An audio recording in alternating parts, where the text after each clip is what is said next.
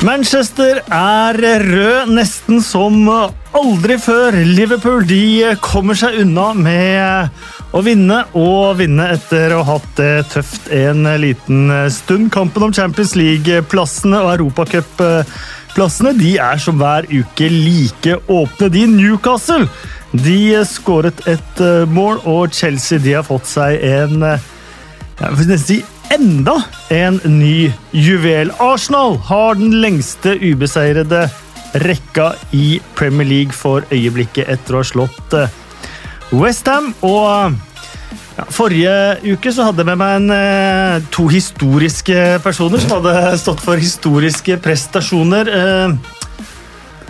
Eh, da var jeg den eneste som ikke var, historisk. Det, det, slipper, det, slipper, jeg nå. Ja, det gjør du. Det Hei, Espen. Hei, Kasper. Espen Venn, eh, du har sittet her noen uker. Deilig å være tilbake i på høyrebekken, eller, eller trives du mest her? Jeg, jeg, liker egentlig stoppeplass òg, jeg, ja, altså. Ja. Men det er veldig greit å, å, bli fortalt hva man skal gjøre, istedenfor å gjøre det sjøl. Så jeg trives veldig godt i den stolen her. Det kan bekle flere roller, føler jeg. Ja, du gjør det. Ja, du, er, du, er, en potet. Ja. James Milner av podkastens James Milner. Den tar jeg med meg. Mina Finstad Berg. Ja. Du er ikke historisk du heller, er du? Eller? Nei, det vil jeg faktisk ikke påstå på noen særlig måte. altså. Det hadde vært veldig bra hvis du sa Hugo. Jeg er faktisk ja, historisk. Du, du er kanskje det. Det var kvinnedagen i går. Ja, det var det. Er du vår første kvinnelige faste ekspert i Premier League? Du, Det veit jeg ikke, men det har jo ikke vært sånn kjempemange før. Det har det ikke. Men, du er i hvert fall det man kaller en trailblazer. Ja, og, altså, det, det, har jo skjedd ganske mye de siste åra. Da jeg var barn, så var det jo ingen damer som jobba med fotball på TV. Karen Marie Ellefsen.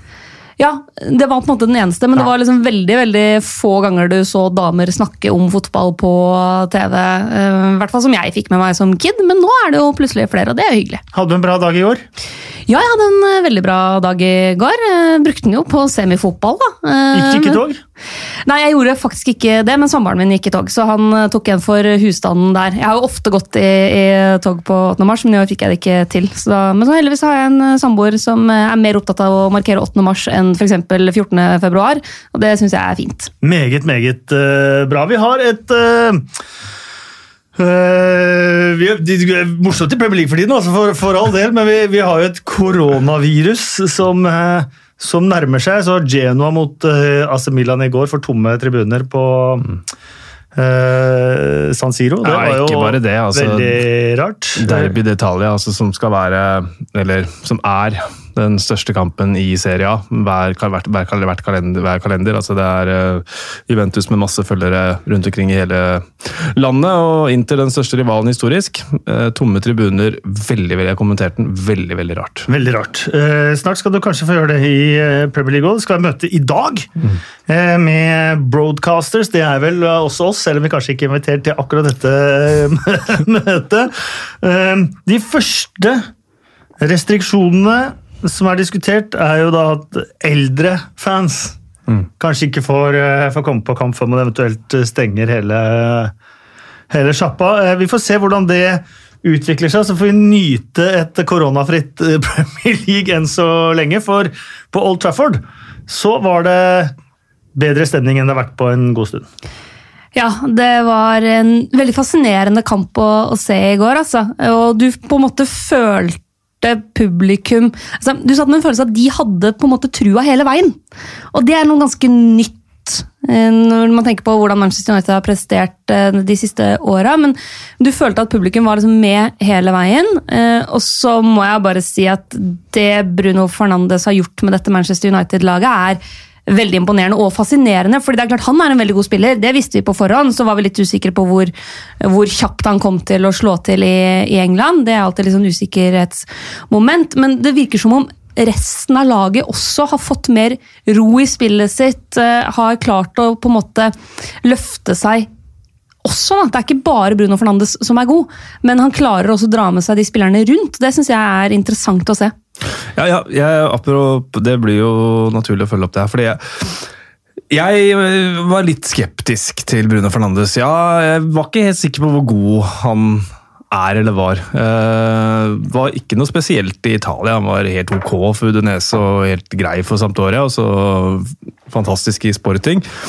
Uh, og så var han god i Nations League-sluttspillet, som jeg er veldig opptatt av. i og med at jeg fikk æren av å kommentere finalen der. Der var han dritgod. Uh, men så når jeg sitter etter de ukene her nå, så, så begynner tankene mine faktisk å gå tilbake til Erik Cantona. Altså.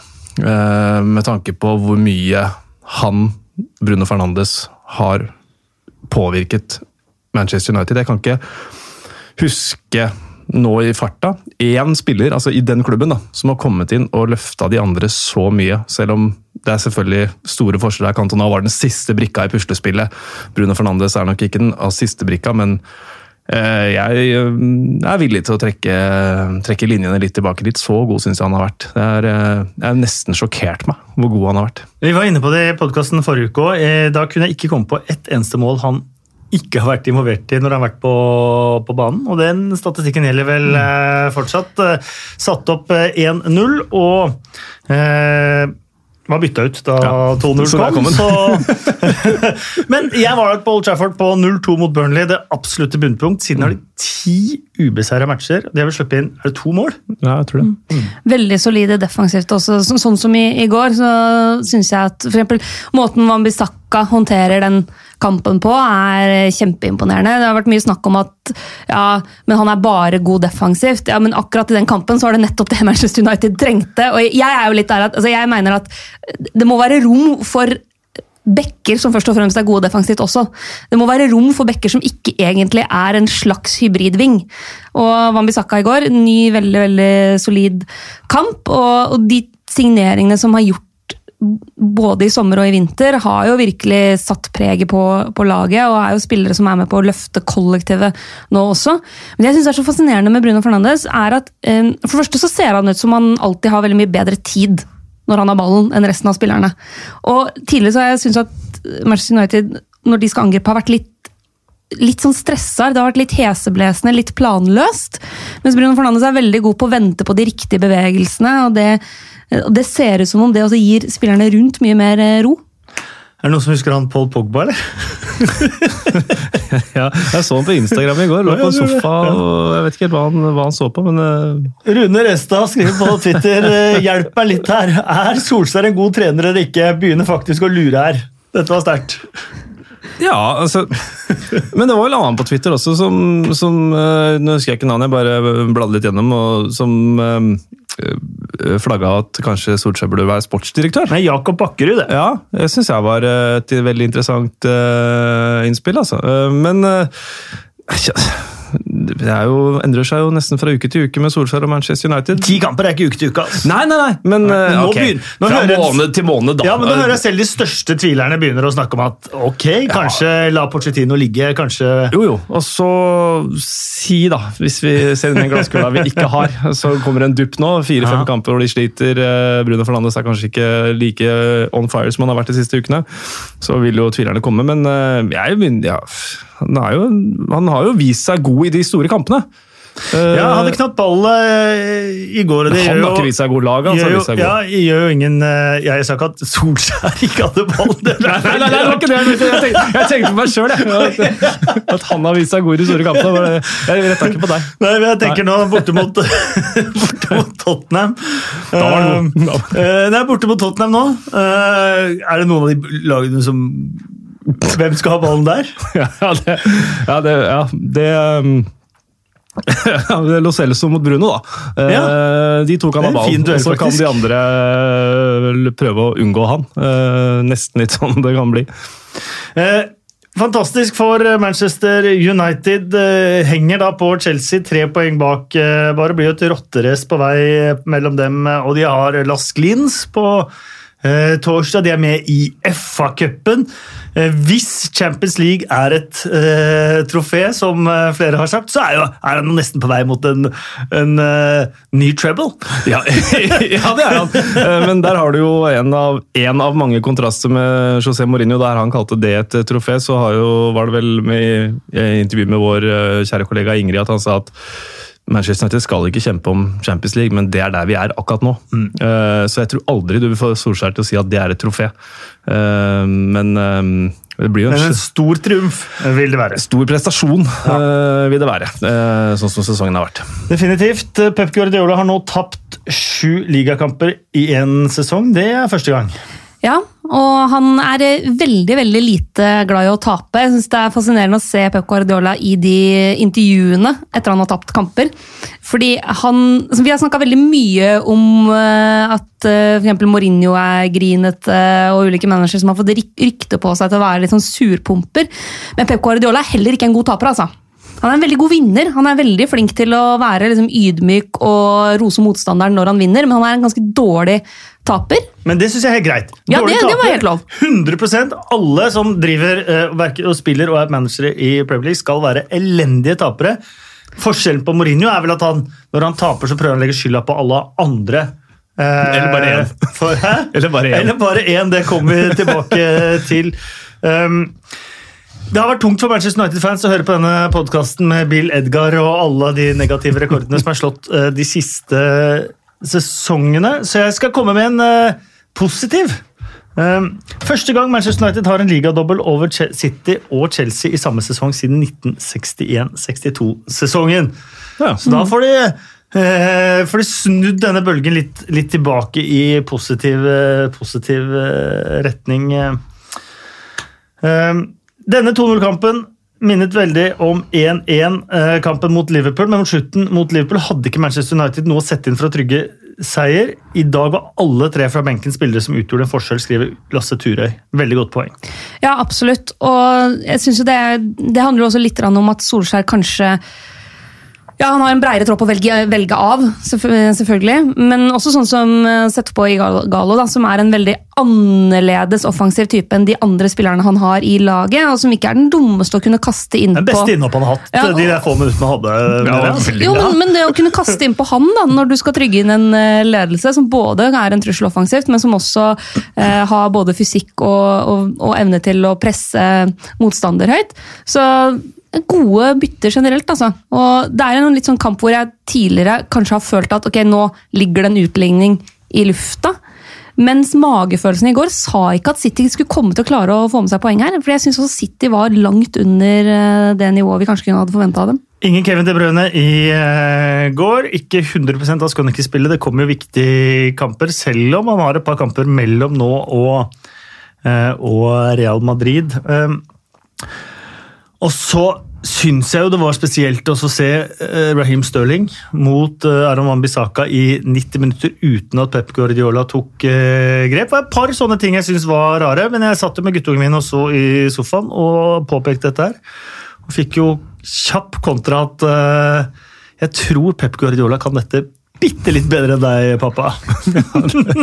Det tror jeg eh, guttungen har rett i. Det tror jeg også, så jeg, så jeg lot ballen bare ligge der med det og tenke at eh, at jeg hadde nok ikke gjort noe bedre med dette Manchester City-laget, det må jeg bare innse. Nei. Det, det, Stirling har jo også vært eh, En skygge. En skygge av seg sjøl lenge nå. Eh, og det, han er jo fortsatt relativt ung. Han kan vel nesten bli kåret til årets unge spiller i år òg, hvis jeg ikke tar feil. Men eh, kanskje ikke nå lenger. Men, Ja, for ti år- for alt. på rad. Ja, ja, det er ikke så langt unna, i hvert fall. Så, men et formdupp for han, det, den har vært eh, lang nå, men han kommer sikkert tilbake. Vi tar turen til Turfmore, Turf Moor. Burnley 1, Tottenham eh, 1. Eh, Burnley tok ledelsen i eh, første gang. Da hang eh, Tottenham i tauene. Tottenham fikk straffe etter pause og utlignet Dele Alli. Det har vært en turbulent, turbulente uker for Tottenham, som har tre tap. Først så ut i FA-cupen etter uavgjort mot Norwich, og så uavgjort nå. Eh, apropos Erik Cantona, så kjørte Erik Dyer en litt lignende sak opp på tribuna etter kampen i midtuka. Det ble diskusjonen da. Nå eh, ble diskusjonen José Mourinhos intervju i etterkant. Han byttet ut Oliver Skip og Ndombele til pause eh, mot eh, Lo Celso Lucas og Moura. eh, Lucas Mora.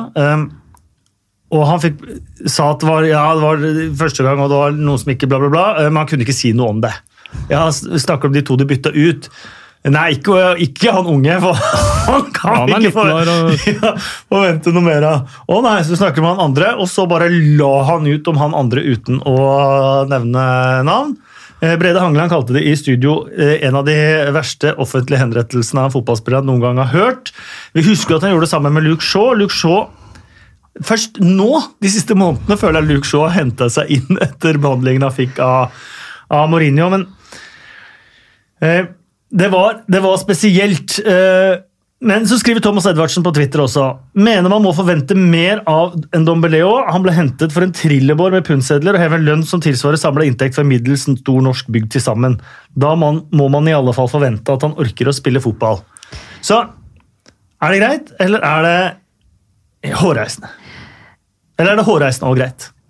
man kan selvfølgelig forvente mer av Noblé. Samtidig så Altså Mourinho har tidligere pleid å være ganske god på å lese spillerne sine og skjønne hvem av dem som motiveres av kjeft eh, og på en måte kan provoseres til å prestere bedre. Og hvem av dem som bør forsvares ved enhver anledning. Han har jo tidligere også gått i krigen for spillerne sine og vært litt sånn lynavleder. Eh, og sagt ting for å lede fokus vekk fra spillere som for har hatt en dårlig kamp eller dritt seg ut. Men jeg er usikker på om han har mista den touchen. altså. At han ikke lenger klarer å skille på når det funker og når det ikke funker. Og så tenker jeg, Hvis du skal slakte en av dine egne spillere så totalt for kamera, så bør du føle deg ganske trygg på at den spilleren faktisk motiveres til å bli bedre av det. Hvis ikke så er det rein idioti. Da tar du det på kammerset, men du tar det ikke for kamera. Men han kan ha tatt det på kammerset 100 ganger ja. og fått nok. Selvfølgelig, Han har jo tatt det internt også, men eh, det er jo veldig veldig interessant å se hvordan Nobelé faktisk responderer på det. Han er jo ikke kjempe han er jo ikke en veteran, han heller, på en måte. Nei. Og er, er, jo fortsatt Ja, han har, vært der eh, ei stund nå, men det er jo ikke sånn at han er liksom en etablert Premier League-spiller. Så jeg er veldig spent på hvordan han reagerer på det, og jeg syns fortsatt det er merkelig at Mourinho velger å gjøre det, fordi han, han veit jo utrolig godt at ok, da er det det som blir alle overskrifter i etterkant. Han veit det kommer til å bli kritisert. Han, han veit jo også at hele verden kommer nå til å følge med på hvordan NWB presterer framover. Man of the match mot Manchester United. Ja, men ikke sant, Å sammenligne det med Luke Shaw. Uh, og, så man, Han veit jo at han setter enormt mye mer fokus på NWB også i tida framover. Så får vi se hvordan det slår ut. Jeg fikk helt bakoversveis da jeg satt og så det intervjuet. Ja, jeg synes det er... Bare, I all verden, hva er det som skjer her? Ja, men det er jo kjent, Han ble jo kjent for å uttrykke 'parkere bussen', men nå er han jo sjåføren som setter seg bak rattet, kaster spillerne foran, kjører fram og tilbake, rygger tilbake og en gang til over ja, Han kasta under en parkert buss, var det som skrev på Twitter! Ja, det er litt greiere! Ja, kunne, Det kunne han gjort, men han setter jo skrur om tenninga og kjører over den et par ganger. Ja.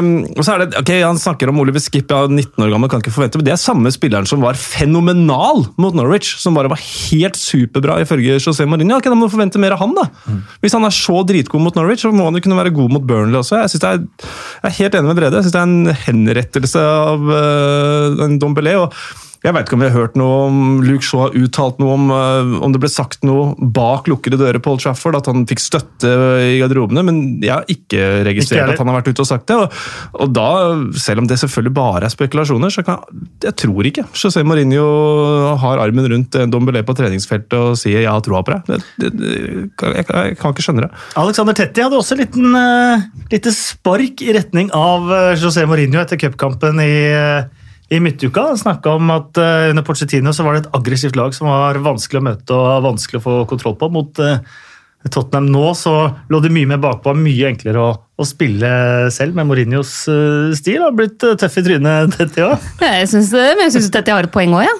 I hvert fall basert på hvordan Tottenham har framstått i de siste kampene. og så skal Det siste har vært veldig opp og ned etter at Mourinho kom inn. da. Du hadde jo noen kamper hvor de blåste motstandere av eh, bana, og hvor det så ut som ting virkelig funka. Og så har du hatt en del kamper hvor det ser ekstremt tamt ut, egentlig. Det ikke mange hvor de blåst. Helt i starten hadde de jo et par kamper hvor de ja. skåra mye mål. Og... hjemme var ja. vel 5-0. Var det Mourinho? Ja. Da sånn skåra det sinnssyke målet? Mm, da... Å, var det Mourinho? Ja. Yes. Ah. Peters, ikke, ja, det var blåst. Peters ikke ødela. det var en bedre kamp mot Burnley enn den her. Vi må ta med også da at byt, altså, Problemet med her er jo at han slakter en Dombelé etterpå, men byttene var jo helt avgjørende. Altså, så han gjorde jo gode bytter. Så, men det er jo det er lettere å gi Mourinho ros for det Hvis man sier 'shit, dette her var bra dobbeltbytte', du Ja. snudde matchen. Åh, I stedet for at Mourinho sier eh, det var dom, en dombelest feil at vi lå under til pause, Og det var men det ikke. jeg ordna at vi tok poeng til slutt. Da, selv om det kanskje Selv om han da eventuelt skulle hatt et poeng, så er det mye enklere å rose han hvis han ikke skulle fremheve det på den måten selv. tenker jeg. Nå skal vi ikke glemme heller at eh, Tottenham har tatt 27 poeng siden Mourinho tok over. Det er like mange som Wolves, og kun Liverpool og Manchester United har flere siden jeg tok over. Problemet er jo de tre tapene, eller egentlig fire tapene og én uavgjort på de fem siste. En veldig sånn negativ aura rundt det som, ja. det som eh, skjer der. da. Ja, så Begynner å snakke om at eh, Leipzig eh, hviler Timo Werner i helga. Det kan ikke jeg gjøre. altså. Begynner å lage unnskyldninger for neste kamp eh, allerede i intervjuene inn mot Burnley. Ja, Eh, Det var det jeg tenkte på også. for Vi kommer til Stafford Bridge eh, neste, hvor Billy Gilmore eh, gjorde en fantastisk eh, kamp. Hvor du har sett eh, alt fra Fikayo Tomori til Mason Mount til Tammy Abraham til Reece James. Eh, hvor du har sett skade på Tam Tammy Abraham, hvor du har sett en Batshuayi som eh, på ingen måte har levert, og hvor Giroud har hentet eh, eh, frem fra, fra, fra nederst i kjelleren. Eh, det, er, det, er, en pen skatt å ha nederst i kjelleren. ja, det er jo det. Eh, utrolig fin skatt å ha nederst i kjelleren. Men måten man omtaler sine egne problemer på, er så diametralt forskjellig. Hvor Frank Lampard har på en måte tatt det negative med det positive. Og da Batshuayi spilte til dårligere enn ener mot Manchester United, og Lampard fikk spørsmål om det, Hans, og det ikke var mulig å forsvare Batshuayi, så sa han jo 'it's there for everyone to see'. Jeg kan ikke si noe annet enn det, liksom. Eh, eh, hvordan ville Mourinho Det kan man jo spekulere i. Det tror jeg ikke jeg trenger å spekulere i. Det svaret tror jeg du fikk på tøff mål. Ja, ikke sant? Snakket i- i samme situasjon, da. Eh, hvor, hvor Chelsea på mange måter har bevart positiviteten og knust Liverpool og knust Everton på, på fire dager her. Ja, og jeg tror litt av forskjellen i det også ligger fordi alle veit at Harry Kane og Hong Min Son er ute med skade, og alle skjønner jo at det påvirker Tottenhams prestasjoner. Det er to enormt viktige spillere, og to av de aller, aller beste Tottenham-spillerne. Så selvfølgelig påvirker det dem, så vi trenger jo egentlig at Mourinho minner oss på det hele tida. Men forskjellen er at Mourinho da sier sånn ja, jeg har ikke Kane, jeg har ikke sånn, det er kjempevanskelig, det er bare trøbbel. Mens Lampard klarer å da fremheve andre spillere. Hvis Mourinho isteden hadde sagt til f.eks. Lucas Mora, sagt til Bergwijn, sagt til et par av de gutta at ok, nå er Kane og sånn ute, da er det deg jeg stoler på. Nå er det du som får sjansen, og jeg har trua på at du kan være den personen som holder skuta på rett kjøl når de andre er ute med skade. But they are so tired. Ikke sant? Hvis Mourinho hadde, kla- hadde heller snakka om det på den måten. Da. Eh, Litt sånn som eksempel Frank Lampard syns jeg har vært flink til å gjøre når han har hatt skadetrøbbel. Og trekke frem at men vi har andre alternativer, vi har andre spillere som jeg har trua på, og som jeg mener kan, eh, kan levere. Og så er det jo selvfølgelig eh, Ja, eh, de, Chelsea, det er kjempestemning, og de har vært kjempeflinke til å bruke unge talenter og bruke sitt eget akademi, og vi skryter veldig mye av akademiet til Chelsea nå. Eh, men det er jo også pga. den transfer-banden de hadde. Det kan du si, men de kjøpte ikke i januar. Og Da var, da var ikke Frank veldig fornøyd. Det var han ikke. Men jeg tenker jo da at Mourinho har kommet inn midt i sesongen eh, for et Tottenham-lag som på mange måter har gått på skinner helt fram til Champions League-finalen, og som har spora fullstendig av etter det. Eh, mens Chelsea har jo lagt et vanvittig grunnlag her. Eh, Når vi snakker om disse spillerne her, så var Reece James årets spiller i Wigan forrige sesong og på årets lag i Championship. Tammy Abraham har to utlån i Championship, for han skåra over 25 mål, eller i hvert fall borti 25 mål, i begge de to sesongene, har i Championship. Um, og det, det, Mason Mount ble tatt ut i den engelske landslagstroppen mens han spilte i Championship. De har på en måte vanna de røttene her så godt med utlån. Hvis Mourinho skulle gjort noe av det samme, da, hente opp unggutter, så vil det være unggutter med en helt annen erfaring, eller null erfaring sammenlignet med de Chelsea-unggutta som han har henta opp. da. Ja. Så Sånn sett har jo ikke Mourinho eh, egentlig det samme eh, grunnlaget. De røttene der har jo ikke Tottenham vanna på samme måte som, eh, som Chelsea har vært kjempeflinke til. Nei, det har de ikke. Eh, Men jeg bare, det skal, bli det siste om eh, Mourinho og hans offentlige uthenging av spillere. Men eh, Troy Parrott, som kommer inn mot Norwich, spiller en halvtime, så bommer han et straffespark. Og så sier vel Mourinho sånn som ettertid at problemet var ikke straffebommen, problemet var de 30 minuttene. Altså, jeg vet at mange i media og sånt har ropt ja, men du har en spiss, Troy Parrott sitter på benken og alt mulig sånt. Og, Og da, og, og, da- ikke på først svarte han at han er ikke klar, og det er, det er helt ærlig sak, men Ja, ja. så halvparten av Tottenham-fansen vet ikke hvordan han ser ut engang. Nei. Nei, altså, men de vet veldig godt navnet hans, Mm. eh, og veldig gjerne se han. Så får de se han en halvtime, men det, men det, det var problemet. Det var ikke straffe... Altså, Men er ikke det, Ja, okay. er ikke det. Mourinho, er ikke det Mourinho eh, med Rashford mot Brighton all over again? Hvor han, eh, du må spille han som spiss, du må spille han som spiss. Eh, Jeg spilte han som spiss, nå ser alle han er ikke god nok ja, som spiss. det, opptatt av at han skal ha rett. Og, og der er det jo, For å dra tilbake til Frank Lampard så kan det godt hende han Han har jo ofte rett. Ja, jo, jo, han- det, skal, altså- det skal man jo si, men eh, Men han får mindre og mindre rett etter hvert som tida går her nå. Eh, Og så, så er det selvoppfyllende profetier, kanskje. Antageligvis. Og Frank Lampard sa vel i intervjuet etter match at uh, vi har en del skader, men dere hører meg ikke klage på det. Det er jo et, det er lite stikk til gamlesjefen. Ja. Eh, fordi Chelsea de knuste Everton 4-0. De kunne like gjerne omtrent vunnet 8-0. Eh, Billy Gilmore, banens beste mot Liverpool da de slo Liverpool ut av FA-cupen i midtuka. Helt fantastisk kamp igjen mot eh, Everton. Eh, han er 18 år, han ser ut som han er 9. Eh, han har fysikk som en niåring også. Men vil ha ball hele tiden, har alltid oversikt. Og, helt, og med Georgino ute med karantene, Kanté ute med skade, Kovacic og Loftus-Cheek Det er fire utrolig gode sentrale midtbanespillere. Men det gjorde ingenting, det. Nei, og Bill Gilmore har jo egentlig for å bruke en klisjé, Han har jo tatt England med storm den siste uka. Jeg tror ikke det var så mange som hadde stålkontroll på han og hans egenskaper før den kampen mot eh, Liverpool. Eller noen visste at han er vel en av de spillerne som var årsaken til den registreringsnekten eh, Chelsea fikk. Jeg tror han, han er vel en av de som ble henta hvor det var brudd på reglene. Um, Chelsea-supporterne har vel sagt at det var verdt det. Det var vel verdt det. Det er fortsatt et brudd på reglene for meg som er litt opptatt av at vi faktisk følger reglene rundt mindreårige fotballspillere, for det er en grunn til at de er der. Eh, Men eh, det skal ikke gå utover eh, Billy Gilmore, som eh, imponerer voldsomt. Og det er noe med Ok, nå tar du Du får ta først Liverpool. Eh, Et lag som eh, hylles som et av de, altså, som det klart beste laget i Europa. Et av kanskje tidenes beste lag, klubblag, er det noen som hevder. Og så har du første Premier League-kamp, og det er mot Everton, et Everton-lag som er i god form. Mm. Og som har vært gode, sterke under eh, Angelotti. Og den her måten han bare kommanderer midtbanen på i en alder av 18 år, det syns jeg er fascinerende. Han er, han er ikke en sånn som står og venter på liksom, beskjed om hva han skal gjøre eller hva han skal ta seg til. Han bare går rett inn og, og tar en så sentral rolle. Eh, har null frykt. Ser ut som han har null nerver. Jeg tror Han hadde, han hadde vel én dårlig involvering i første omgang, og utover det så var det nesten feilfritt. Han laga noe annet enn meg, i hvert fall. Uh, For jeg hadde driti på meg. Men det skal jeg være helt ærlig å innrømme. Uh, Men fantastisk for Billy Gilmore og levedrømmen. Giroud skåra igjen. Pedro skåra sitt eh, første for sesongen. William var kjempegod. Uh, Mason Mount bort med måltørke. Alt satt! Og til slutt så ble det en treningskamp. Der var det et par debutanter som skulle inn for uh, begge lag. Ja, enten Gordon hadde debutert Som ikke hadde den samme kyla som Billy Gilmore. Det kan vi si. Det var et par av de andre debutantene som uh, var litt mer stressa. Ja, han eh, Tino Anjari, er det han heter, han uh, var nervøs. Eh, Det måtte jeg si når jeg kommenterte, og det kan vi alle sette oss inn i den situasjonen han opplever nå å få en halvtime der. Selvfølgelig er han nervøs. Jeg skulle ønske vi alle kunne sette oss i den situasjonen. Ja, det er en sant. halvtime i Premier League. Det hadde vært, det. Ja, det hadde også vært veldig nervøs. Men eh, jeg hadde fått en sånn vinn en dag som. Eh, Jeg har aldri kommet hit. Nei. Nei. Eh, Fortsatt Everton nervøs.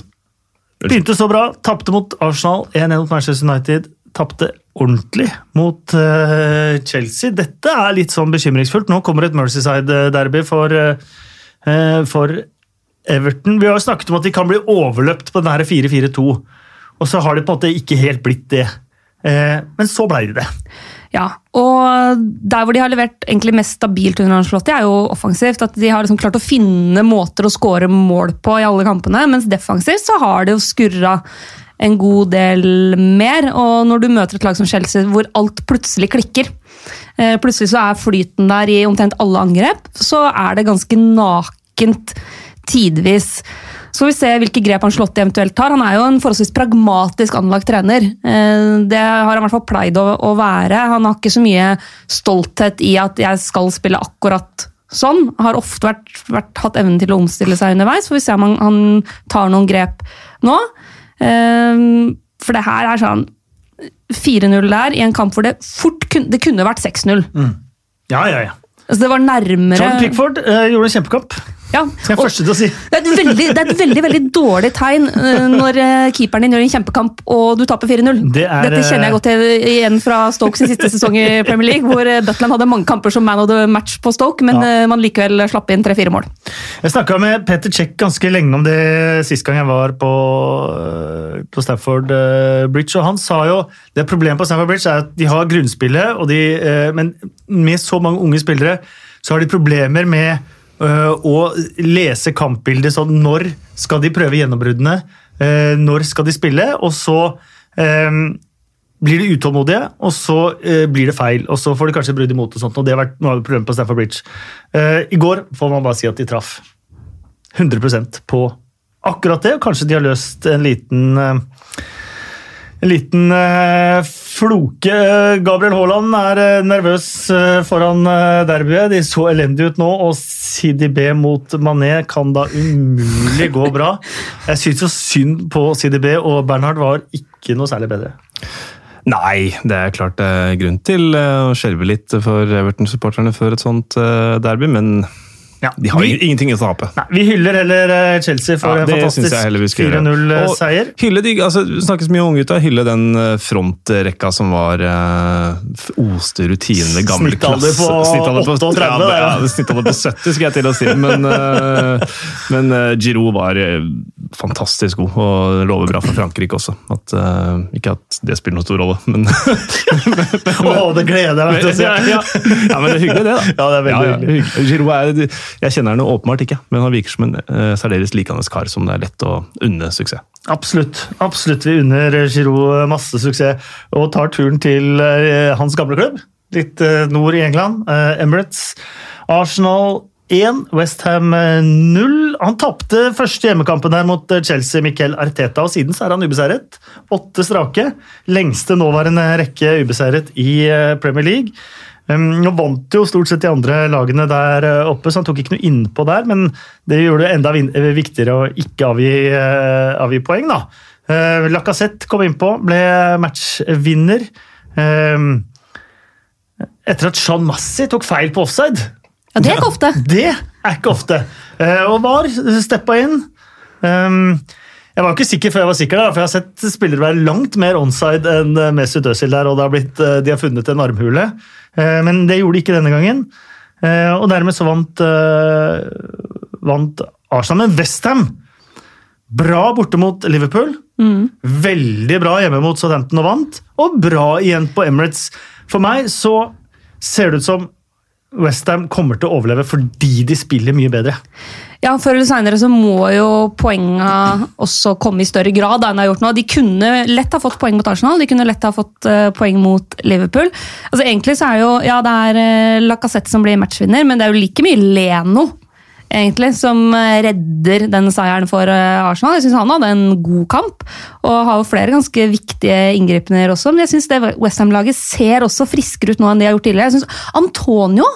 Begynner å virkelig finne formen. Han syns jeg ser ut som det er vondt å møte nå om dagen. Skal ikke glemme at han var i noen landslagstropper der da Sam Allardyce uh, holdt uh, på. Han fikk jo riktignok ikke landslagsdebuten sin, men det må jeg ha sagt det.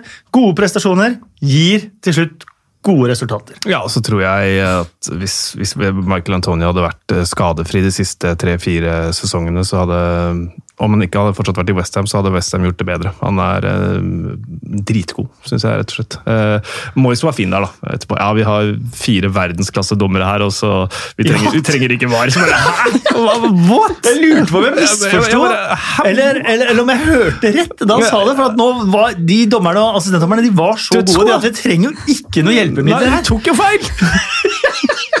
og ganske åpenbart feil òg. Ja, eh, Så jeg hørte ikke feil. Nei, du hørte ikke feil. Nei. Det er, det det er en av de rareste uttalelsene jeg har hørt noen gang. Men det er ikke så rart, eller det er ikke så overraskende at den kommer fra akkurat Moyes. Han Nei, for- har jo noen sånne opp Ja, igjennom. For forrige gang eh, VAR ikke mot han. eh, Da uh, mente han han kunne ikke reglene så godt. Det var vel Declan Rice det mot Sheffield United. Med at han er borte i hånda. Han kunne ikke reglene så godt, men han kunne ikke skjønne at det var rett. Å annullere det målet. Det er så fint å si det. Jeg kan ikke reglene, men det der må ha vært feil. Det må altså. være feil. Uh, nei, det er veldig, veldig rart. Uh, men uh, that's what I do. I win. Ja, han må putte Var det Ja, men det har han gjort nå litt, syns jeg. Jeg synes han Ja, skal få honnør. mye. Nei, men jeg synes han skal få honnør for hvordan Ja, ja, eh, de ser ut uh, Men nå. han må uh, ha makt bak uh, ordet. De må vinne kamper. Nå syns jeg Westham-supporterne skal få en liten stjerne i margen uh, her òg. Kjempeprotester foran kampen mot uh, Southampton. Nesten 10 000 stykker. Veldig klare på at de protesterer mot eh, Sullivan Gold og Karen Brady. Eh, ikke mot spillerne, og det har de vist. Det er ikke ofte supportere klarer å vise det i praksis, eh, men har vært veldig veldig gode på det å støtte lag under, under kamp. Ofte blir det sånn dårlig atmosfære for absolutt alle. Og så en ekstra stjerne i margen til Mark Noble, som havner i mellom barken og veden mellom supportere og ledelse. og takler det. Jeg tror ikke det finnes, jeg tror ikke Han burde bli politiker Ja, han er Han er, han er så innmari sånn her elevrådsleder som type. Eh, Ja, men Veldig han sier alle de rette tingene. Han fornærmer ikke supportere, han fornærmer ikke ledelse, og klarer å gjøre alle litt happy med perfekt, perfekt kaptein, en av Premier Leagues eh, beste. Um, spennende å se Arsenal eh, fremover. Olympiakos var selvfølgelig et, liten trykkfeil. Som var ganske alvorlig. Det var det. Eh, men samtidig måten de tok seg av Portsmouth på også. Det er en kamp de fort kunne ha trøbbel i tidligere, tenker jeg. Ja. Um, ja. ja. Men altså Portsmouth League 2 De har Nei, League 1 og One eneste sammen med Liverpool som er ubeseiret hjemme i ligasystemet denne sesongen. Og så sparte de vel sine to beste spisser Ja i den kampen. men det var ikke en lett match. Nei, men de skal, den skal Arsenal vinne, det mener jeg. Absolutt, og vi har sett en million andre kamper hvor ett lag skal vinne, men har tapt. Ja, det er sant. Én million, det var mye. Ja, jeg ser mye på Ja, det gjør det, altså. Det gjør det. Jeg tror på deg, at du har sett en million kamper. Vi reiser opp til Merseyside igjen. Liverpool 2, Bournemouth 1. Um, 22 strake hjemmeseiere på Liverpool, og det er bare å gratulere. Det er rekord i den øverste divisjonen i England. Og ikke bare Premier League, men i den øverste divisjonen. Ja, det er akkurat det, og det har jeg sagt nå i denne podkasten i tre år. Det eneste som er sikkert med enhver rekord, er at de på et eller annet tidspunkt vil bli slått. Man trenger liksom ikke starte en ny tidsregning i går for å få nye rekorder. Eh, så dette er siden 1888, ja. Eh, nei, ja, 1888, jeg sa ikke 1988. Nei, 18, Ja, 1888. Ja, ja, ja. Eh, Så er de den første, de første som har klart 22 strake hjemmeseiere i den øverste divisjonen i England. De er 55 strake ubeseiret. Um, mm, De har fortsatt stykke opp til rekorden til Chelsea på 86, og de har jo selv klart 63 i 79-80, så det er ikke engang klubbrekord. det, det da er nå. Um, Men det er likevel sterkt. ja, men vi må også si at det var sterkt av Bournemouth. Gjorde en eh, kanonmatch. Eh, skulle selvfølgelig vært avblåst før de tok ledelsen 1-0. Eh, det trenger ikke være så mye diskusjon om, føler jeg. Nei. Eh, men de tok nå ledelsen 1-0, og så var det, som Eddie Howe sa, de to de slipper inn, er når de er i possession. Ja. Stakkars arme Jack Simpson. Stakkars arme Jack Simpson. Han, han, er, han, han skaper jo problemer for seg sjøl, men altså, komme inn på Anfield, og så får du den starten. Ja, om- Omtrent første touch. Ja. Så blir han slakta så veldig på andre mål, og det syns jeg litt Jeg skjønner hvorfor, men jeg syns Nathan Ake og uh, Jack Stacey må uh, ta litt av skylda sjøl òg. Jack Stacey stuper ut for offside, mens Nathan Ake går tilbake for Ja. å ta ut dybde. Uh, så, så det er ikke bare Simpson Nei, der, altså. Den syns jeg ikke skal han, han skal ha på sin kappe.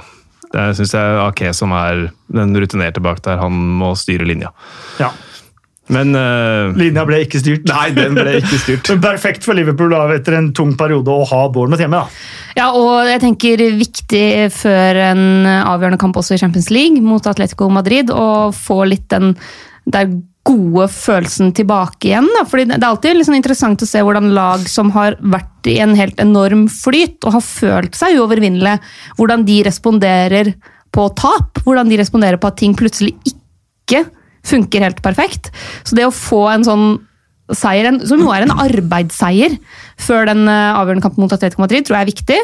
Eh, elsker måten Milner eh, kommer inn der og, og sikrer eh, seier på å redde på strek. Det er sånn, eh, For meg som er glad i for, godt forsvarsspill, da. Så, så er det sånne øyeblikk som, eh, som jeg setter veldig stor pris på.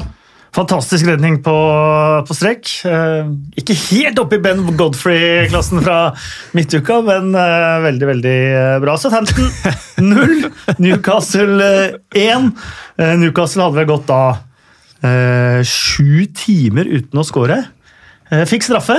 Første for sesongen. Det har Newcastle-supporter også vært litt sånn Å, aldri straffe, men det er ikke så rart, for de er jo ikke så ofte i motstanderens boks. Eh, men det har ikke noe å si allikevel. Den eh, var det tidligere Portsmouth-spiller Matt Ritchie som eh, brant. De har da brant fire av sine fem siste straffespark, så det er også en ganske artig eh, statistikk. Men de har, og han snakker vi om sist gang òg, la Saint-Maximin. Altså, For et fyrverkeri av en fotballspiller. Ja. Det er veldig gøy å se han spille fotball, fordi du veit at det kommer alltid til å skje et eller annet artig, morsomt. Han har en sånn stil som er veldig lett å bli glad i. Jeg elsker han, jeg. Og saltofeiringer og alt som er eh, moro. Eh, og Største bidragsyter til botekassa i Newcastle òg, fordi han ikke klarer å ta av seg alt jugelet før han skal trene, f.eks. Men visstnok også en veldig fin fyr som stiller opp på sånn suppekjøkken i området. og ja, øh, Mm. Veldig ydmyk type, hvis man skal tro på de intervjuene som gjøres. Og, og sånn, og, og en spiller som jeg tror Newcastle-supporterne allerede øh, får veldig mye glede av, men også kommer til å ha i framtida. Og så er det et Southampton-lag som roter det egentlig veldig til for seg sjøl på absolutt alle måter. Ralf Hasenhutter mener Alex McCarty bør være landslagskeeper til England i sommer. Nei, det gjør han ikke. Nei, da Han har vi var fått veldig god i den kampen her. Ja, det var Ja. Dødsgod, men uh, Dean Henderson, Nick Pope eh, og Jordan Pickford er bedre keepere. Men høyestnivået til Alex McCarty, for det kommer jeg på nå eh, Den antageligvis beste keeperprestasjonen jeg noen gang har sett live, det var Alex McCarty. Da var han reservekeeper for Reading, førstekeeper skadd, hjemme mot Liverpool. Og han sto til 11 på børsen. Det er den mest vanvittige keeperkampen jeg har sett. eh, tror jeg. Så han, ja, han må ha det. Han var jo egentlig vraka. Han var Angus Gunn som førstekeeper den sesongen, helt til han Ja, slapp ja. inn ni mot, eh, mot eh, Leicester. Men nå, nå funker det bra. Han kommer bra. liksom alltid tilbake, Alex McCarthy. Ja, han gjør det, på et vis. Ja. Ny liv. Ny liv. Uh, Sellers Park, Crystal Palace 1, Watford eh, 0. Eh, høydepunktet for eh, meg denne matchen her var å se Hodgson og Pearson eh, komme eh, Måten de eh, kom inn på banen sammen Ja, på. og jovialt. Det var far og sønn. Ja. Det var liksom sånn der eh, Han koselige pappaen med han eh, litt eh, kjipe sønnen som er liksom eh, litt for tøff, men som på en måte eh, har vokst fra seg alle tingene og blitt en ordentlig fyr igjen. Og der gikk de og kosa seg. Mm. Og så vant de Palace da 1-0. Ja. Fulgte oppskriften der, da. Det gjorde de. 39 poeng, sikret plass. Det er ikke mer enn tre runder siden Palace var på vei ned i nedrykksstriden. De har vunnet tre på rad nå. Ja, tre på rad. Um, Sikre. og mer resten om Europa, de òg. De er vel da foran Everton, som man snakker Ja, om her oppe. ja, ja, liksom. Så, ja. ja. Gary Cale trodde ikke helt på den. Han, ble, han var ikke helt villig til å bite på den når han ble spurt om de kan kjempe om Champions League, men uh... For meg er Gary Cahill kanskje sesongens beste signering, i hvert fall helt oppi der. Ja. Eh, hadde Norwich gjort den signeringa, så tror jeg ikke de hadde vært der de er. Nei. Og Den har gått liksom litt under radaren, tror jeg, for mange. Det er ikke en signering som man har snakka så mye om, men for Christian Palace har den vært helt helt avgjørende. Han har Helt. vært vanvittig solid for dem mesteparten av sesongen. Så det er en kanonsignering, og det, det er jo sannsynligvis én av grunnene til at de holder plassen. Definitivt. Eh, Watford er nå A-poeng med Bournemouth under streken, og Aston Villa, som har to kamper til gode, er bare to poeng eh, bak. Det så jo bra ut for Watford, og så slo de med Liverpool i tillegg. Men de eh, sliter nedi der. Eh, Bramall Lane, Sheffield United 1, Norwich 0. Billy. Sharp. Billy Sharp igjen. Han skåra vel både hjemme og borte mot Norwich i Championship forrige sesong, også begge på Carrow Road. Så han elsker å møte Norwich. eh, Passa på å ta feiringen foran bortefansen. Og... det måtte han jo. Det er jo skåra. Ja, ja, ja, for Ja. all del, men det var både hysjing, og det var nikking, og det var et par meldinger, og det var liksom eh, Det var ikke god stemning eh, akkurat i det lille friksjonspunktet der. det var det. Eh, eh, det var det ikke. Dean Henderson med vanvittige redninger. eh, Goal Line Technology eh, måtte til pers. Det var en ball som da var noen centimeter ikke over. Jeg må si at det er Hawkeye-driten, ass. Det... Nei da, det er en veldig fin, eh, fin nyvinning. Eh, Sheffield United eh, de henger jaggu meg med i kampen om Champions League, de også, altså. Ja, jeg sa det vel forrige En gang jeg var med her tidligere og fikk spørsmål om kommer Sheffield United til å klare en plass i Europa. Da sa jeg ja. Og jeg sier i hvert fall ja nå. Det, jeg tror ikke det blir Champions League, men at de kan klare å komme seg til Europa League, det skal du ikke se bort ifra, altså. På ingen måte. Meget imponerende det de driver med der oppe. Dean Henderson ble man of the match. Det lot ikke Chris Wilder seg imponere spesielt mye. Han only made up couple saves, herregud. de andre løpt rundt der hele tiden. Ja, er derfor er der. Uh, Har jo et, uh, for så vidt et uh, poeng, men det blir matchvinnende når man holder på sånn som Dean Henderson gjør da. Wolverhampton 0, Brighton 0. Wolverhamptons uh, 47. kamp denne sesongen gjør at jeg kan dra fram Bill Edgar fra det motsatte oppgjøret. Mm. Det er vel den kampen i øverste divisjon med eh, flest bokstaver. Wolverhampton Wanderers and Brighton and Hoe Albion. Ja, det er mye. Eh, Men uh, ikke mange mål. Eh, Vi har kommende kamper som kommer nå. Da. Det er jo Leipzig-Tottenham uh, tirsdag kveld. Det er Liverpool-Atletico eh, onsdag. Men vi har også et par Premier League-kamper som kommer. Leicester-Aston Villa eh, mandag kveld. I kveld altså. Eh, en ligacup-semifinale-revansj. Det er jo høyinteressant. Absolutt. Ryktes at Jamie Vardy kanskje ikke er med allikevel. fordi De var jo ganske trygge på at han kom til å bli klar, men eh, nå går det i hvert fall mye rykter på Twitter eh, om at han kanskje ikke er klar til å starte kamp allikevel. Så det er jo litt interessant. Og så har vi eh, midtuka. Uh, hengekamp. Manchester City mot Arsenal. Det er Miquel Arteta-derby.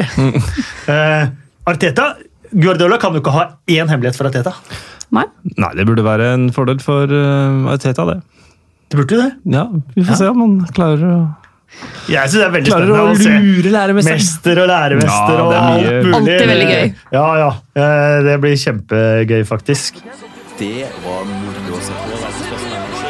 Morata var kjempegod. Hva i all verden? Er. Han snakka ikke om seg sjæl, han snakka om dommeren. Da kan vi dele ut blomster, kaktuser og uh, annet. Vi har selvfølgelig fått en del uh, eh, fått en del innspill på Twitter. Uh, Henrik Instebø mener uh, øyeblikket må være Bruno Hernandez som hysjer på Guardiola når han blir byttet uh, ut. Um, Espen Tangstad mener det er klareringen til James Milner som er eh, øyeblikket. Um, ukjent eh, helt kommer vi til etter, eh, etter hvert. Eh, Kaktus til Mourinho som slakter en dombele fra Christian, eh, Christian Oteren på eh, Twitter. Jeg trodde det han gjorde mot Luke Shaw var ille, men dette tar kaka. Andreas Holmedal, rundens øyeblikk da alle så 2-2 på Anfield, men James Milner ville det annerledes. Um, og Ragulan, Ragster, kaktus til Mike Dean, som alltid skal sette seg selv i sentrum. Hvordan kan han gi gult kort til Fred mot City når det egentlig er straffespark? Og er ikke den clear and obvious nok for VAR? Rundens øyeblikk, frisparkvarianten til Bruno Fernandes og Martial. Jeg mistenker at Ragulan er Manchester United-fan, men vi glemte å snakke om den eh, lille situasjonen, og det er jo fordi at Manchester United vant. Eh, hadde han ikke gitt gult kort for filming, så hadde jeg gått med på at VAR ikke hadde grepet inn i den situasjonen. Eh, for da kan man si at det er ikke clear and obvious. Men når han gir gult kort for filming, hvorfor har man VAR hvis ikke de skal gripe inn da for å kansellere det gule kortet og gi straffespark? Straffen er jo helt klar! Ja, eh, og så er det jo det er litt sånn grenseland nå. Eh, Altså ikke grenseland om det er gult kort for filming, for det er det ikke. Nei. Men fordi regelverket er på den ene sida at du kan jo ikke bruke VAR på å endre feilaktige gule kort. Nei, Men fordi det er en straffesituasjon, så kan man bruke VAR der. Ja, og for å si det sånn, hadde Manchester United ikke vunnet den kampen, så hadde de hatt ganske god grunn til å være misfornøyd Absolutt. med det. Fordi det er klart det å få, også For en, en midtbanespiller som Fred, så er det å få det gule kortet ganske avgjørende for hvordan du kan håndtere resten av kampen. Når du plutselig har liksom Du har fått første advarsel, Mm. og det gjør jo noe med hva slags type taklinger du kan hive deg inn i, osv. osv. Definitivt. Skal vi dele blomst? Ja. Jeg har et forslag, men det blir Ja. sikkert nedstemt. Jeg må ikke, være defensiv før du går. jo, men, eh, dette er jo en spiller som jeg har et liksom hjerte for, og det er Pedro. eh, Som får sesongens første Premier League-scoring. Fordi han er en sånn enormt trofast og lojal lagspiller. Løper og løper og løper. og løper og løper. Eh, Blir ikke alltid like mye målpoeng av det, men har liksom sittet i en del benk og vært klar når han har fått sjansen. Tidenes første til å skåre i seks ulike klubbturneringer eh, samme sesong da han spilte i Barcelona. Bare gjentatt av Fernando Torres, tror jeg. Eh, Da Chelsea vant Champions League. Eh, Men Pedro var, Eller Europa League? Kan det ha vært Europa League? Pedro var den første. Han skåra VM for klubblag. Ja, men- Copa del Rey, ja, ja, La Liga, ja, ja. Men Torres, Champions League. Ja, jeg tror Torres han- gjorde det samme. Ja, men Kan han ha skåra i både Champions League og Europa At han tok enda en, at han tok sju. Jeg vet ikke. Jo, det kan faktisk, det er- ringer en bjelle, men Ja. eh, jeg bare kom på det nå. Men Pedro var, i hvert fall gjorde sitt navn da som Ja. unggutt. Han eh, gjorde det for Barcelona. i hvert fall. Jeg syns det er fin blomsterbukett. Jeg hadde egentlig tenkt Ole Gunnar Solskjær jeg, denne gangen. Ja, men han, får, han har sikkert fått masse blomster allerede. Ja, det er sant. Ja, jeg hadde egentlig litt Alex McCarthy, jeg. Siden han ikke aldri får spille for England og var dødsgod, men tapte allikevel. Kanskje han skulle heller være ukjent helt? Kanskje. Ja, men jeg, for, jeg, jeg støtter forslaget ditt. Mine. Jeg støtter forslaget ditt. Mm. Pedro.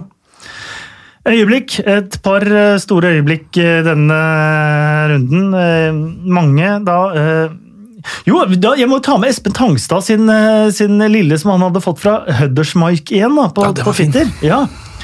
Mount Pedro er det høyeste fjellet på Sri Lanka. Eh, og Pedro hadde assist til Mount mot Everton. Det er så nydelig. Det er helt nydelig. Ja, Drillo kommer til å være fornøyd med den. absolutt. Og jeg ble jo litt sånn at jeg ikke hadde den der jeg kommenterte. Ja, det syns jeg er svakt. Ja. Det er- Det, det er det det. kommer et Mount-ordspill! jeg kommenterer en Ja. annen Chelsea-kamp, det skal dere være sikre på. Ja. Men den var veldig fint, eh, og den er jo da utgangspunktet fra Huddersmark. Og Huddersfield vant vel igjen i helga, tror jeg. Ja, det. Pauli-gutta de gjør det, gjør det bra, de. Um, øyeblikk, ja. Jeg stemmer for Milner. Jeg stemmer for Scott McTominays 2-0-skåring. Ja. Det løfter taket på Old Trafford. Scott McTominay som Ja, han har reist seg siden det, men som på et tidspunkt var litt sånn symbolet på Mourinho-tida, i og med at han fikk den derre Jeg er ikke sikker på om han var så glad for å få den managerens eh, spillerprisen i sin tid. Nei, Eh, denne, dette var litt for mye. Jeg har gjort meg helt fortjent. Du skal ikke gi den til noen andre, da. Ja, og så, eh, Om det var mot Liverpool eller Jeg tror det var Liverpool når de leda 2-0, og så slo han en støttepasning istedenfor å gå framover og ble bua litt sånn her, eller sånn oppgitt på Old Trafford. Og så har han vært så god denne sesongen her, og vært skada, kommet tilbake, og så får local lad få lov til å gjøre det der seks minutter på overtid. Så det, for meg er det rundens øyeblikk. Eh, Jeg, jeg, sy- jeg syns den Milner-redninga blekner litt, og den redninga betyr egentlig mer for Bournemouth i negativ forstand enn den gjør for Liverpool. Har rekord.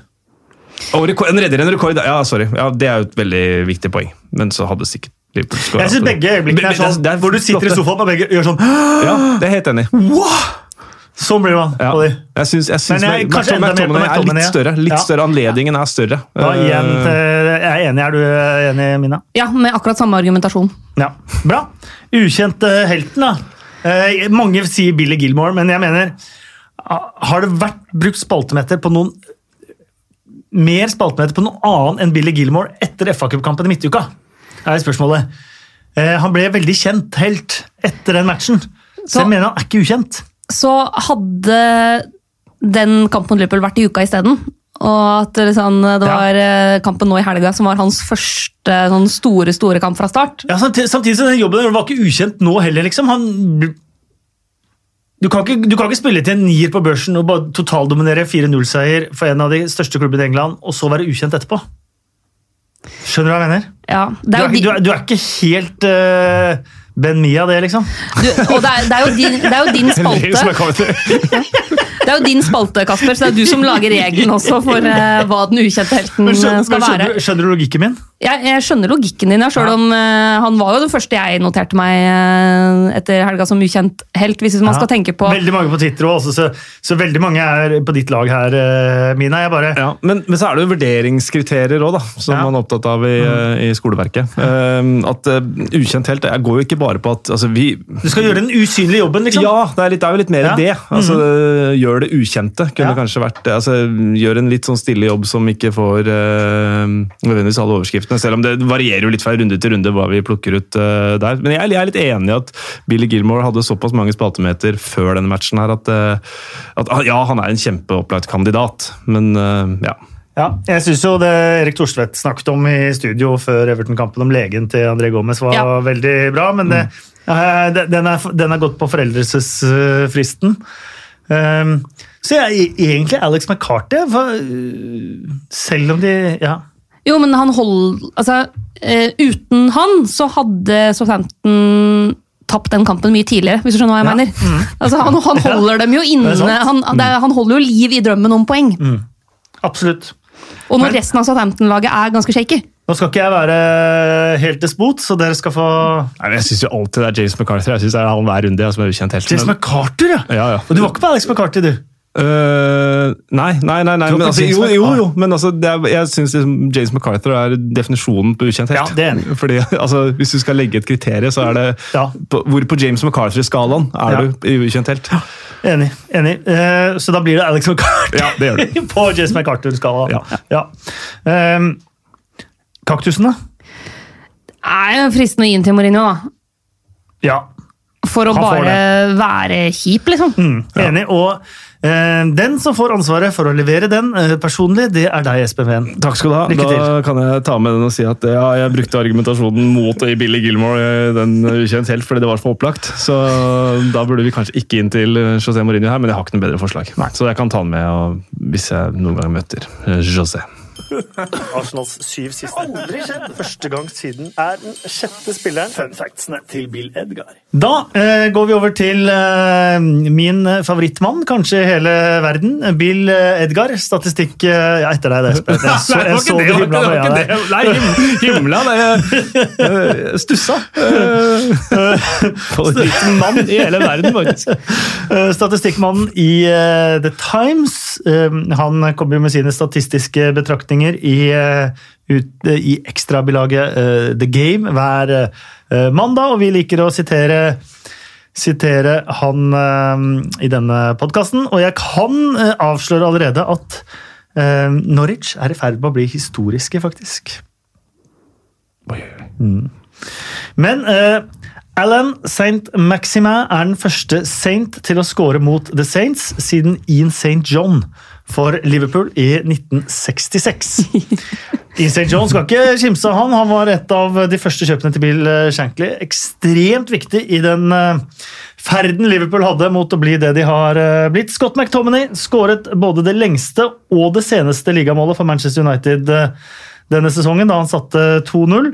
Og det var første gangen ett av Manchester-lagene har vunnet derbyet både hjemme og borte i løpet av seks uker siden 1956. På den tiden så ble, eh, eller eh, I 1956 ble Charity Shield nemlig spilt på Main Road. hvor United vant. Eh, Manchester United har vunnet syv av sine 14 siste kamper med minst to mål. Liverpool har kun vunnet tre av sine 14 siste med minst to mål. Sheffield United er første lag siden Arsenal i 1990-91, der fem spillere har startet alle de 28 første ligakampene. Det er ikke verst. Og ikke så overraskende. Ikke så overraskende. Eh, og så har vi eh, eh, ny rekord fra 1888, eh, melder. Eh, yes. eh, de er på vei til å bli førstelag noensinne til å rykke ned fem ganger på syv sesonger i den øverste divisjonen. De rykka ned i 95, 05, 14 og 16. Overlevde i 12 og 13. Jeg er ikke så sikker på at de rykker ned. Å jo. De, det er ni kamper igjen. Jeg er ikke så sikker på at de rykker ned. De skal vinne seks av de siste ni. Er du rar? Ja, det er mange som påstår, men øh, jeg ikke Jeg skal love deg at det er, eh, det er nesten teoretisk mulig. Det er nesten teoretisk, Det er jo seks poeng opp. Jeg tror du ikke at de lagene over tar noen jo, poeng? men det er jo ikke Det er mange som har vært langt verre stilt og teoretisk umulig. Altså, det er jo Nei, det er ett. Ja, ok, ok, det er ikke mange. Men i alle ligaer rundt omkring. tenkte jeg Annendivisjon, Post Nord-ligaen og sånn. Så, den statistikksida som jeg av og til til, Ja. og som jeg bruker en del tid på å nøle på, uh, melder at det er ca. 86,5 sjanse for at Norwich havner lavere enn nede i streken. Så da ja, er det, for det var, var før jeg, For jeg leste en det er mer enn 13 sjanse for at de klarer seg. Nei, Nei, jeg- 92 sorry. 92 Nettopp, det, for jeg stussa litt, for jeg leste det 7%. samme før tapet mot Sheffield United, og da var det 88. Mm. Så det har vært veldig rart at den prosenten gikk ned. Uh, men uh, 92 Fortsatt 7 Fortsatt 7% So you're telling me there is a chance! ja, ja, ja, ja, ja. Um, Liverpool har altså spilt 139 kamper i Champions League skråstrek serievinnercupen siden de vant ligaen sist. Det er europarekord. Ja. Eh, foran Arsenal, som har 131, og Leverkosen, som har 109. Leverkosen har da aldri blitt mestere, da. Nei. Så de har spilt 109 kamper uten, uh, uten å bli mestere. Men uh, Den rekorden er i ferd med å stoppe. Mm. Eh, Crystal Palace i 2020, det er morsom statistikk, starta med tre uavgjorte, fortsatte med tre tap, og nå tre seire. Veldig ryddig og fint. Det er veldig ryddig og fint. Fem kjappe spørsmål helt til slutt. Uh, Før det skal jeg bare minne om at uh, det hadde vært utrolig hyggelig om du gikk inn på iTunes, ga oss gjerne fem stjerner og en hyggelig kommentar. Eh, Vi er på Twitter, 2PLpod heter vi der, og hvis du liker podkasten, så er det jo veldig veldig hyggelig om du anbefaler podkasten for eh, dine venner og kjente, og dine følgere på sosiale medier. Det setter vi eh, stor pris på. Um, og så eh, kan du følge med på Twitter-kontoen til 2PLpod eh, for nye quizer på Sporkle, som jeg har eh, liten hobby med å, å, å, å begynt å lage. Oh. Det er veldig gøy. Veldig gøy. Eh, Fem kjappe spørsmål klare. Yep. Da begynner vi, da. Eh, Rykker Norwich ned? Nei. Jo, Ja. Sier du ja eller nei? jeg sier nei, ja. Sier du nei, ja? Ja, 7 7 Hyggelig. Eh, Hvem bør stå i mål for England under EM? Henderson. Bør eller kommer til å gjøre? Bør. Bør. Uh, Nick Pope. Ok. Uh, Klarer Manchester United topp fire? Nei. Nei. Hvem vinner Europaligaen? Oh, ehm, Inter. Wolverhampton. Klarer Liverpool å ta seg forbi Atletico på onsdag? Ja. Ja. Ok. Bra. Takk, Espen Ven. Hyggelig å ha deg som gjest igjen. ja. Takk for at jeg fikk være gjest, Kasper. Mina, veldig hyggelig å ha deg som gjest her, det er du òg. ja, kjempeartig å få være med igjen. Ja. Og da tror jeg vi bare sier at denne podkasten var ferdig for denne gangen. Og så er det fotball hver dag. Det er så deilig. Og så er det sluttspill i ishockey òg. Ta en titt innom det òg. Det begynner på torsdag. Eh, Og så eh, får dere bare ha, eh, ha det fint. Eh, Lykke til med ditt lag, enten om de kjemper i Champions League, om Champions League, mot nedrykk, eller hva i all verden. League one. Eller i League 2 eller i League 1. Liten shoutout her til Coventry, som er i ferd med å kanskje ta steget opp igjen. Det må i så fall være deres første opprykk siden 60-tallet, tror jeg. Og en liten shout til Kyle Lafferty, som, Som skåra to, to to mål. for det hjalp ikke så mye. Og en liten shoutout stakkars til Joe uh, Allen, som mister uh, Det er litt sånn Ringenes herre-avslutning her nå. Eh, Du, du sa ha det for fem minutter siden, og så holder vi på fortsatt. Ok, da det- sier vi bare takk for nå.